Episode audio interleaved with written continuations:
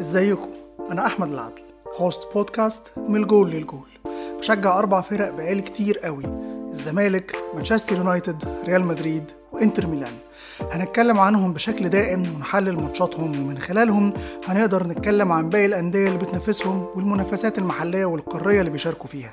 وفي نفس الوقت هنتكلم كورة في مواضيع تانية فنية وإدارية مرتبطة بالأندية كلها عموما. يلا بينا نبتدي.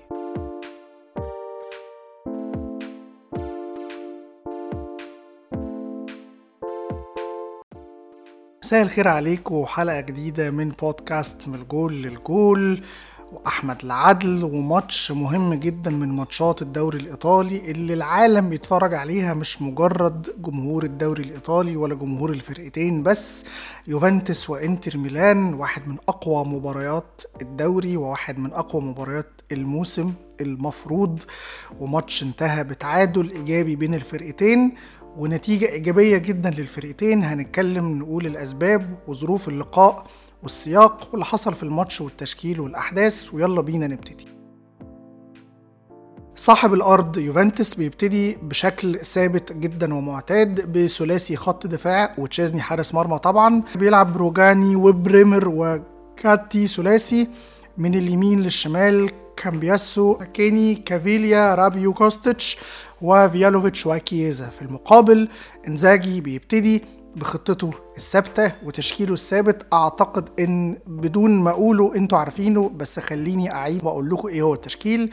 يان سومر حارس مرمى ديفراي في القلب أتشيربي على الشمال ودارميان على اليمين دومفريز باريلا هاكان مخيتاريان ديماركو لوتارو مارتينيز وماركوس تورام. الحقيقة إن إنزاجي اللي أقدر أقوله يعني إن هو احترم يوفنتوس زيادة عن اللزوم.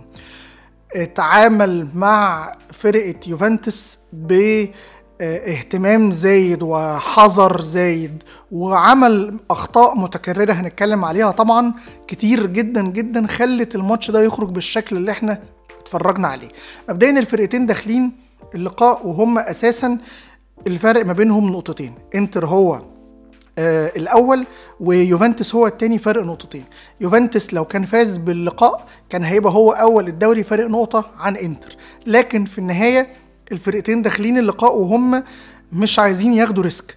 إنتر لو خسر هيفقد الصدارة ويوفنتوس لو خسر هيبقى موسع الجاب بينه وبين إنتر. فبالتالي كل فرقة أكيد نفسها في الفوز لكن على الأقل لو ما كسبتش ما تخسرش والتعادل بالنسبة لها يحافظ على الوضع اللي هم داخلين بيه اللقاء اللي هو كده كده وضع إيجابي جدا للفرقتين.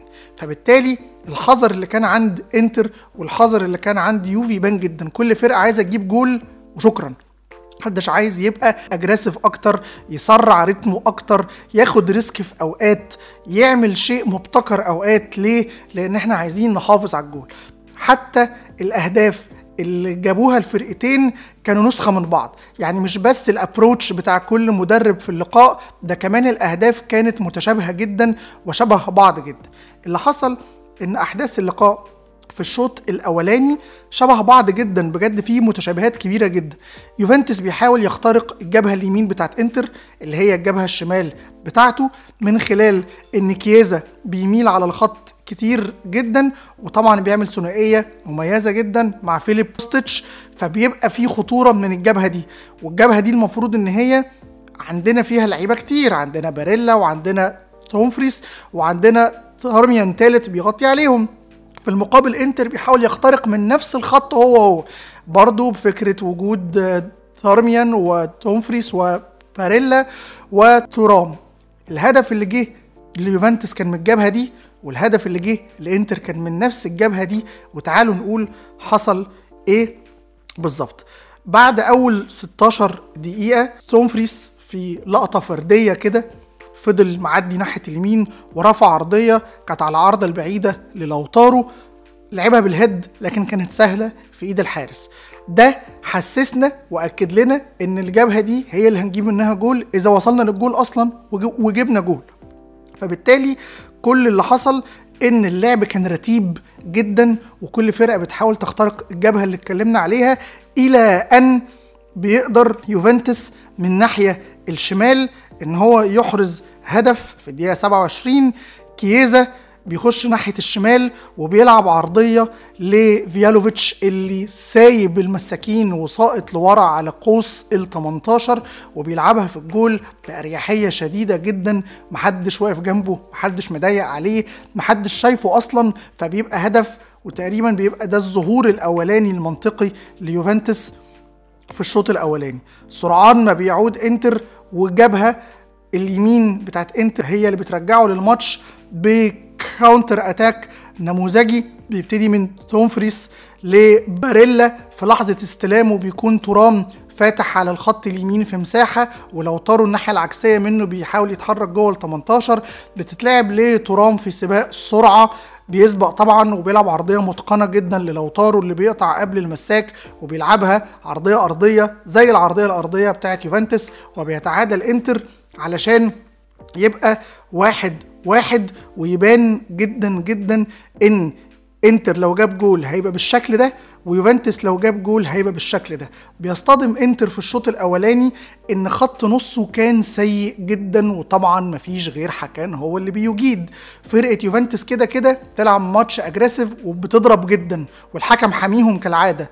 لكن بشكل دفاعي كبير فعشان تقدر تجاري ده محتاج لعيبة تكون تقدر تلتحم وتكسب كور ثنائية كتير وفي نفس الوقت تبقى سريعة وعندها قدر من المهارة ومستوى اللي يخليهم يبقوا هم اللي مسيطرين في العمق. هل ميخيتاريان اللي بيلعب أساسي ماتشات كتير قوي بدون ما أنا ابقى فاهم أسباب يستطيع إنه يقوم بالدور ده دلوقتي؟ المفروض إنه لأ لأنه بان قصاد كل الفرق إنه مش قادر قصاد أتلانتا وقصاد ساسولو وقصاد ريال سوسيداد وقصاد ساليرنيتانا وقصاد كل الناس إن هو بيمر بفترة سيئة جدا من بعد ماتش ميلان وهو ما جاش. لكن كل مرة بيلعب فيها أساسي على فراتيزي اللي بيلعب أساسي منتخب إيطاليا وبيتألق وبيحرز أهداف وبيصنع أهداف وبيبقى بارز جدا. فأنت بتخسر لعيب هيكسبك حاجات أنت بتدور عليها وبتقعده على الدكة وبوجود اللعيب التاني انت بتخسر كل اللي انت مستنيه. فبالتالي بتسهل الموضوع جدا على خط نص بتاع الخصم أو على المدير الفني اللي انت بتلعب قصاده. فدي بتبقى المشكلة الأولى. هل باريلا بيقدم المستوى المعهود؟ الحقيقة إن باريلا برضو بيمر ب drop كبير وإن كان أحسن من ميخيتاريان بكتير لكن ده مش المستوى بتاعه اللي إحنا عارفينه. فبتصطدم إن الاتنين اللي انت بتتعكز عليهم في خط النص عشان يوصلوك للجول وعشان يخلقوا خطورة في صناعة اللعب وعشان يوصلوا الوينج باكين لمناطق يقدروا يبقوا خطر فيها على الجول من خلال اللعب على الجول أو من العرضيات. الاتنين بيمروا بدروب كبير وإنزاجي مسؤول عنه مش عشان هم وحشين وهو السبب في إن هم وحشين لا عشان هو شايف إن هم وحشين بقالهم كتير وعنده خط نص من حديد قاعد بره وما بيفكرش إنه يلعب بيهم من باب حتى الروتيشن من باب حتى يحسس اللعيبة الأساسية إن مكانهم مش على طول مضمون إن يحسسهم إن هم محتاجين يشتغلوا أكتر علشان يثبتوا إن هم يستاهلوا يكونوا أساسيين أكتر. فاستمرار وجودهم في الملعب دايما بيبقى ريسك علينا. بنتجاوزه كتير لكن كتير جدا ما بنقدرش. وبنخسر ماتشات كتير كانت سهلة جدا إن إحنا نكسبها وبنفقد نقط كتير كان ممكن جدا ما نفقدهاش وبنكسب بصعوبة كان ممكن جدا الماتش نفسه يبقى أسهل من كده بكتير لو ما كناش عندنا وأصرينا على نفس المشاكل المتكررة اللي كل مرة بنعملها بدون أي أسباب. بينتهي الشوط الأولاني والماتش خلصان واحد واحد وبنفكر يا هل ترى هل إنزاجي هيعمل حاجة؟ في ال half time ولا كالعادة مش هيعمل. الحقيقة إنه في العادي ما بيعملش لكن في الشوط الثاني في بدايته بنشوف حاجة كانت ممكن تبقى خطر جدا من الناحيه الشمال. الظهور الأول لديماركو على الجول. بيلعب عرضية أرضية من ناحية الشمال لتورام لكن ما بتلبسش في رجله فبتروح تقلش. وبيقول باين جدا جدا إن العرضيات الأرضية لإنتر مؤثرة. العرضيات عموما بالذات الأرضية. ذكاء الملعب هنا المفروض وانزاجي اللي قاعد بره المفروض أو حد من جهازه يشاور على إن إحنا محتاجين نكرر ده. جبنا جول من العرضية الأرضية صنعنا فرصة خطر في بداية الشوط الثاني من العرضية الأرضية. إذا تكرار العرضيات عموما والأرضية خصوصا هو اللي ممكن يوصلنا للجون تاني. لكن الحقيقة إن إحنا ما شفناش ولا عرضية تاني أرضية. ما كانش فيه تواجد للعرضيات الأرضية تماما رغم إن الموضوع كان سهل. مش عشان يوفي قادر يتحكم في مجريات اللعب ولا علشان مضيق علينا كل الخطوط خالص. إحنا اللي كان عندنا مشاكل بتاعتنا إحنا اللي خلقناها بإيدينا إحنا. برضو مفيش أي خطورة ولا على يان سومر ولا على تشيزني بأي شكل من الأشكال إلى أن بيتدخل آه إنزاجي وبينزل كوادرادو وكارلوس أوجوستو مكان ال wing back ين دومفريس وديماركو كوادرادو اللي بيظهر لأول مرة بعد إصابة كبيرة جدا جدا جدا وهو لسه مش fit أساسا قصاد فريقه القديم كل مرة بيلمس فيها الكورة الجمهور بيزوم عليه بشكل تقول إن اللعيب ده هيقع نفسيا مش هيقدم حاجة تغييرة خاطئة risk كبير بتعمل كده ليه إنزاجي. لكن الحقيقة إن كوادرادو كان العلامة المضيئة الوحيدة في اللقاء. أثبت شخصية وعقلية من فولاذ. مفيش مرة مسك فيها الكورة غير لما صنع خطورة.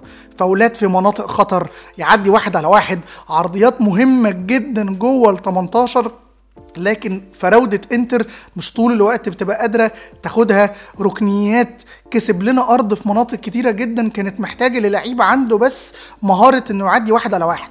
الشيء المفقود جدا في فرقة انتر ومش موجود غير في اتنين لعيبة فقط وهم كوادرادو والكسيس سانشيز. بس كوادرادو نزل وكان جاي من إصابة بعد كتير وسانشيز غايب عشان اتصاب واللعيبة اللي تقدر تعملها موجودة في مناطق بعيدة من اللعب. حتى ترام اللي عنده مهارة الواحد على واحد مش طول الوقت بيستخدمها بيستخدم سرعته أكتر والقوة في سرق المساحات أكتر من الواحد على واحد رغم إنها عنده بس ما بيستخدمهاش كتير. فلمجرد إن لعيب نزل بخيال مختلف عن الشكل الروتيني اللي في الأرض خلق لنا شكل وخطورة من بعد نزوله في الدقيقة 70 بيحصل كل اللي إحنا بندور عليه طول الوقت العرضيات والتواجد الهجومي والتأثير اللي قدام إلى أن إنزاجي بيعمل تغيير من أسوأ التغييرات الممكنة. الوحيد اللي بيجيد زي ما قلنا في خط نص إنتر هو حكان.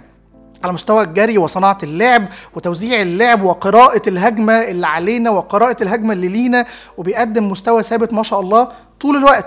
بيخرجوا في الدقيقة 82 لحساب أسلاني. أسلاني أنا بحبه وشايف إن هو المفروض يلعب دايما من السنة اللي فاتت وإن كان طبعا بعد لما حكان بقى موجود بقى مش طبيعي إنه يلعب عليه. المفروض يبقى يلعب معاه. بشكل فيه راحة لحكان لما يبقى الماتشات سهلة أو تحصيل حاصل أو طبعا لما يغيب بعد شر آه للإصابات أو ايا كان. لكن الأكيد إن طول ما حكان كويس وما بيشتكيش من إصابة أو من إجهاد مش المنطق انه يخرج. خصوصا لو عندك اتنين تانيين في الملعب هم أولى بالخروج منه. لكن خروج حكان الوحيد اللي بيجيد اللعب في خط النص عندنا ومستواه كويس لحساب أسلاني أنت كأنك بتخرج واحد كويس وبتنزل واحد احتمال يبقى كويس. طب ليه؟ لما عندك فرصة إن فراتيزي ينزل في ال half time لو مش هيبتدي الماتش طب ينزل في الدقيقة 50 طب في الدقيقة 55 طب في الدقيقة 60 طب في الدقيقة 70 وما بيعملش كده. بيعمل كده إمتى؟ في الدقيقة 87 بينزل أرناتوفيتش وفراتيزي بدل من باريلا وتورام.